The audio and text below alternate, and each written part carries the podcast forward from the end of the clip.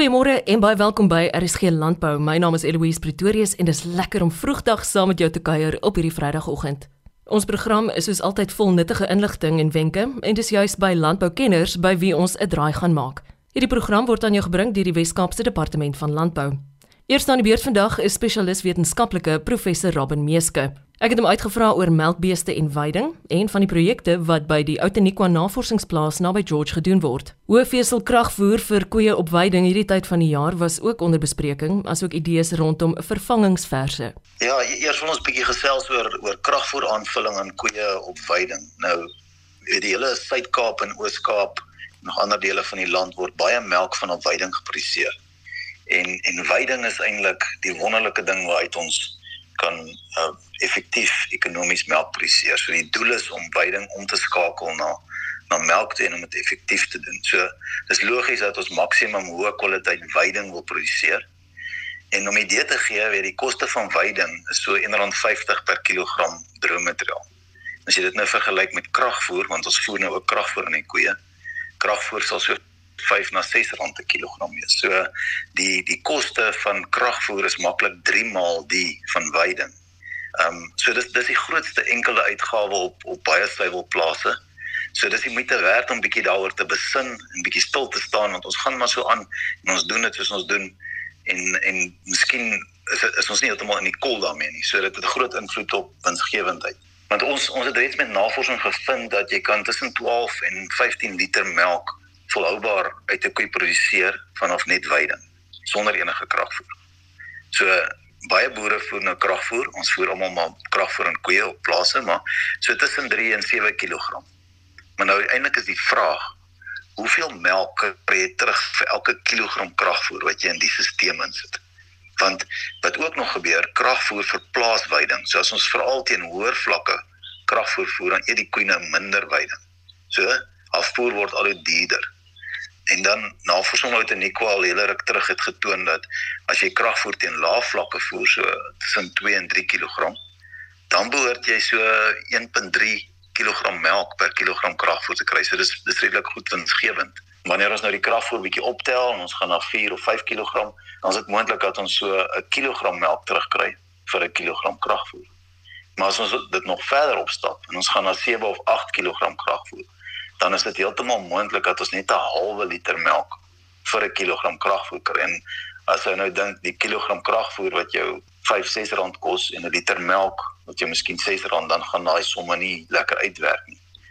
Nou in die laaste tyd het ons nou redelik uh, hoër kwaliteit veiding met plantaan wat in die stelsel kom en ons het 'n baie interessante proefie gedoen in die lente uh, laas jaar waar ons nou koeie op plantaan en raaigras gehad het, maar toe het ons nou gegaan en 3.5 of 7 kg kragvoer aan die verskillende groepe gevoer. Om bietjie te kyk wat is die respons. En amper ongelooflik, weet ons het waar ons 3.5 kg kragvoer ge, gevoer het, het ons so 18.4 kg melk uit die koeie uitgekry. Wanneer daai kragvoer verdubbel na 7 kg, het ons 19.8 kg melk gekry. Dis maar 'n stygings van 1.4 kg melk vir 'n ekstra 3.5 kg kragvoer.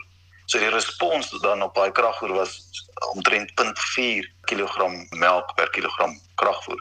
Nou as jy die somme dan maak, dan is dit eintlik 'n bietjie bietjie skok om te besef dat dit is moontlik om minder geld te maak onder daai omstandighede wanneer veiding hoë kwaliteit is en jy genoeg het, is dit moontlik om minder geld te maak terwyl jy meer kragvoer voer. So wat ek eintlik maar oproep doen aan die boere is kyk weer slag krities na jou kragvoerpyle en dan wanneer veiding kwaliteit hoog is, en en veiding volop beskikbaar is, dan moet ons kyk om laer vlakke van kragvoer te voer en die omgekeerde is ook waar wanneer veiding nou weer 'n swakker kwaliteit is dan pas dit weer by 'n hoër vlak van kragvoervoeding. So ons moet ons moet reageer op die veidings scenario. Dit is maar my boodskap oor die oor die kragvoer. Dan is daar nog 'n tema wat verband hou met julle onlangse navorsing waaroor ek baie graag meer wil uitvind. Ja, ek is ek is nou al 'n hele aantal jare betrokke by Kulvoer. Dit is eintlik wonderlik my Kulvoer loopbaan het begin in hier in die 1990s toe ek vir 3 maande Israel toe was om bietjie daar te gaan werk by hulle Kulvoer laboratorium. Van daar af het die wêreld vir my bietjie oop gegaan oor oor Kulvoer en baie goeie mense kontak gehad reg oor die wêreld. So so Kulvoer evaluasie lê my na in die hart en dit is dis so belangrik om 'n bietjie te kyk wat gaan aan met jou kuilvoer en en hoe goed is jou kuilvoer en waar lê jou grootste probleme? Want ons doel is natuurlik om om kuilvoer effektief te preserveer sodat ons maksimum nutriënte kan bewaar. Die die eerste ding wat ek altyd doen is as ek op 'n plaas sou kom en ek kyk na kuilvoer dan sal ek 'n hand vol kuilvoer vat en ek sal dit druk. So as jy dit lekker stewig druk en dan loop enige vog uit jou hand uit dan beteken dit die droommateriaal van daai kuilvoer is minder as 30%. So dit is nie goed nie. Koolvoer wat nat is is gewoonlik die begin van 'n probleem. Wat 'n mens dan moet doen is jy moet of die gewas later sny of as dit 'n gewas is wat gesny is en lê verwelk, moet jy dit langer laat lê. Dan die tweede ding is is daar enige slegte reuk aan die koolvoer. So terwyl jy nou sommer aan die koolvoer gedruk het, jy kan met jou hand en dan kan jy net maar ruik daaraan. Jy sal 'n soepelike soet vrugtige reuk kry, maar as jy die koolvoer uit jou hand uitgehaal het en jy het jou hand gewas, dan ruik maar nog 'n bietjie aan jou hand. En as jy hand dan is afreek het, dit is maar bottersuur. Bottersuur is 'n vlugtige vetsuur. So dit klim binne in jou vel en jy kry dit nie sommer weer afgewas nie. So as dit daar wel teenwoordig is, die diere hou ook nie daarvan nie. Dan wat sal gebeur is die diere gaan ek hou vir nie lekker vreet nie. Dit is onsmaaklik, ek laer innames, laer diereproduksie. So dis om om die probleem nou aan te spreek, maak net eers seker dat die kou vir nie baie nat is nie want die organismes wat bottersuur maak hou van nat kouvoer. En die tweede ding is die kouvoer se pH het dan waarskynlik te stadig gedaal. Want bottersuur word gevorm deur organismes wat groei terwyl die pH nog bo 5.5 is. Dan die derde ding is is die kouvoer se pH laag genoeg. En daar's daar's 'n mooi verbandskap tussen pH en droommateriaal. So as ons net die pH van die kouvoer meet, dan kan ons klaar 'n goeie idee hê of die kouvoer goed gepreserveer is. So om die pH te meet is mens maar 'n pH meter nodig en wat goed gekalibreer is en dan word die koue nou in 'n botteltjie gesit, sommer so 'n heuning botteltjie en bedek dit met gedistilleerde water, skud dit effens en dan kan jy maar die elektrode insit. So as ons dan sien die pH is onder 4.2, dis nou vir koue by 'n droommateriaal van so 30, dan is hy is die pH laag genoeg vir preservering. As die as die koue weer droër is, is 40% droommateriaal dan het jy 'n pH nodig van so 4.8 of laer. Goed, dan, dan die volgende vraag is is daai kuilvoer stabiel as jy dit uit die bunker uithaal? Word dit warm? Want warm kuilvoer in 'n bak is sleg vir 'n dier. Hulle hou nie daarvan nie. Dan eet hulle dit nie lekker nie. En verder, dis magiste en swamme wat groei. Dit breek kuilvoer af. Dan kan ook skadelike produkte gevorm word. So kuilvoer moet nooit warm in 'n bak wees nie. Maar hoekom word kuilvoer dan warm? Want dis nou eintlik wat gebeur. Daar's giste en swamme wat groei En ja, hoe gaan ons hulle keer? Die eerste vraag is hoe lank het dit jou geneem om die bunker toe te maak? Want al die tyd wat die bunker oop is, groei daar giste en swamme. En hulle stop dan nou wanneer die lug uit is. Maar die oomblik wanneer die bunker oopgemaak word, dan begin hulle weer te groei. So as daar baie van hulle is, sal die kou vinnig warm word en en afbreek. So daar daar is melksiebakterieë en okulante beskikbaar wat dan stabiliteit van kouvoer kan verbeter, maar kouvoer bestuur is ook baie belangrik. En dan weet ons dis so belangrik om daai bunker goed af te seël. Ons wil nie eintlik sien as ons by 'n bunker kom dat daai bo-laag so dik laag vrot materiaal is nie. Want daai materiaal beland gewoonlik ook binne in die, in die voerbak by die dier. Ons het gesien uit baie, baie jare met die Santam veeplaas kulver kompetisie, dit is moontlik om wel daai bo-laag totaal goed gepreserveer te hê dat die pH daai bo-laag omtrent dieselfde is as kulver dieper in die bunker. En nou ja, die sleutel van van goeie kulver is natuurlik kompaksie ons kan dit meet, maar die kompaksie op Millico verbehoort ten minste so 240 kg droommateriaal per kubieke meter te wees. As ons die kompaksie verkeerd kry, dan het ons klaar die toets gedop en dan sal lug indring en ons gaan swak kou verkry. So ons almal weet dit, maar almal kry dit nie altyd reg nie. Robin, dan wil ek jou ook baie graag uitvra oor julle onlangse navorsing wat verband hou met vervangingsverse. Ja, die die vervangingsverse in 'n kudde is so 'n belangrike ding, want ja, ons verloor diere uit die kudde en daar's verskillende redes waarvoor ons waarom ons koeie verloor uit 'n kudde. Uh van die groot redes is maar is maar hoë somaatse seltelling en mastitis en ook uh reproduksie. As 'n koe nou nog nie beset is en sy 200 dae in melk, dan sit ons daar nou maar op op uitskot of op slag. Dan is daar nog lae eiers, siektes, soms rooi water en so aan. So ons verloor diere uit kuddes en ons probeer om dit so laag as moontlik te hou want dit het 'n groot invloed op die winsgewendheid.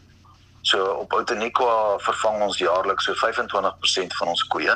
Ons wil dit afbring na 17%, maar ons werk nog daaraan. Dit beteken soos tans het ons sien nou maar 460 koeie in die kudde waarvan so 368 in melk is en so rondom 90 is dan droog. En ons benodig 115 verse per jaar as ons op 25% vervanging is. Maar nou as mens so baie koeie het en elkeen van hulle moet kalf om in melk te kom en jy sit of semen op al daai koeie dan gaan jy net mooi dubbel die hoeveelheid verse hê as wat jy nodig het in jou kudde. So nou nou maak jy daai diere groot, jy sit druk op jou kalf grootmaakstelsel en op die ou end kos daai vers jou tussen 9 en 10000 rand om groot te maak. Hoopelik kan jy vir haar 'n klein winsie verkoop, maar nie altyd nie. So ons het toe besluit geneem, ons gaan ons gaan minder vervangingsverse groot maak, net die getal wat ons nodig het en om dit reg te kry, insemineer ons nou die onderste helfte in ons suiwelkudde met met Angus so met vleisbeeste semen. En wanneer daai kalfies aankom dan binne 'n week of twee dan moet hulle die plaas verlaat. So die grootste voordeel hiervan is ons die druk afgehaal van ons kalfgrootmaakstelsel. Die eerste een en tweede een is die moontlikheid jy moet liser inkoop in die winter is nou kleiner. Dis 'n gewellige aantal diere. Jy weet om te dink ons het al op 'n stadium 400 koeie en 400 vers op die plaas. Nou gaan ons nader wees aan 400 koeie en 200 vers op die plaas. So dis absoluut iets wat ek dink uh, boere aandag aan kan gee en bietjie oorweeg, weet, hoeveel vervangingsvers het ek nodig? Maak maar 'n bietjie meer groot as wat jy nodig het, maar nie dubbel die hoeveelheid as wat jy nodig het nie. Robin veronderstel ek is 'n boer wat ingeskakel het en geluister het na vanoggend se program en ek wil baie graag meer te wete kom oor julle navorsing. Hoe kan ek jou in die hande kry?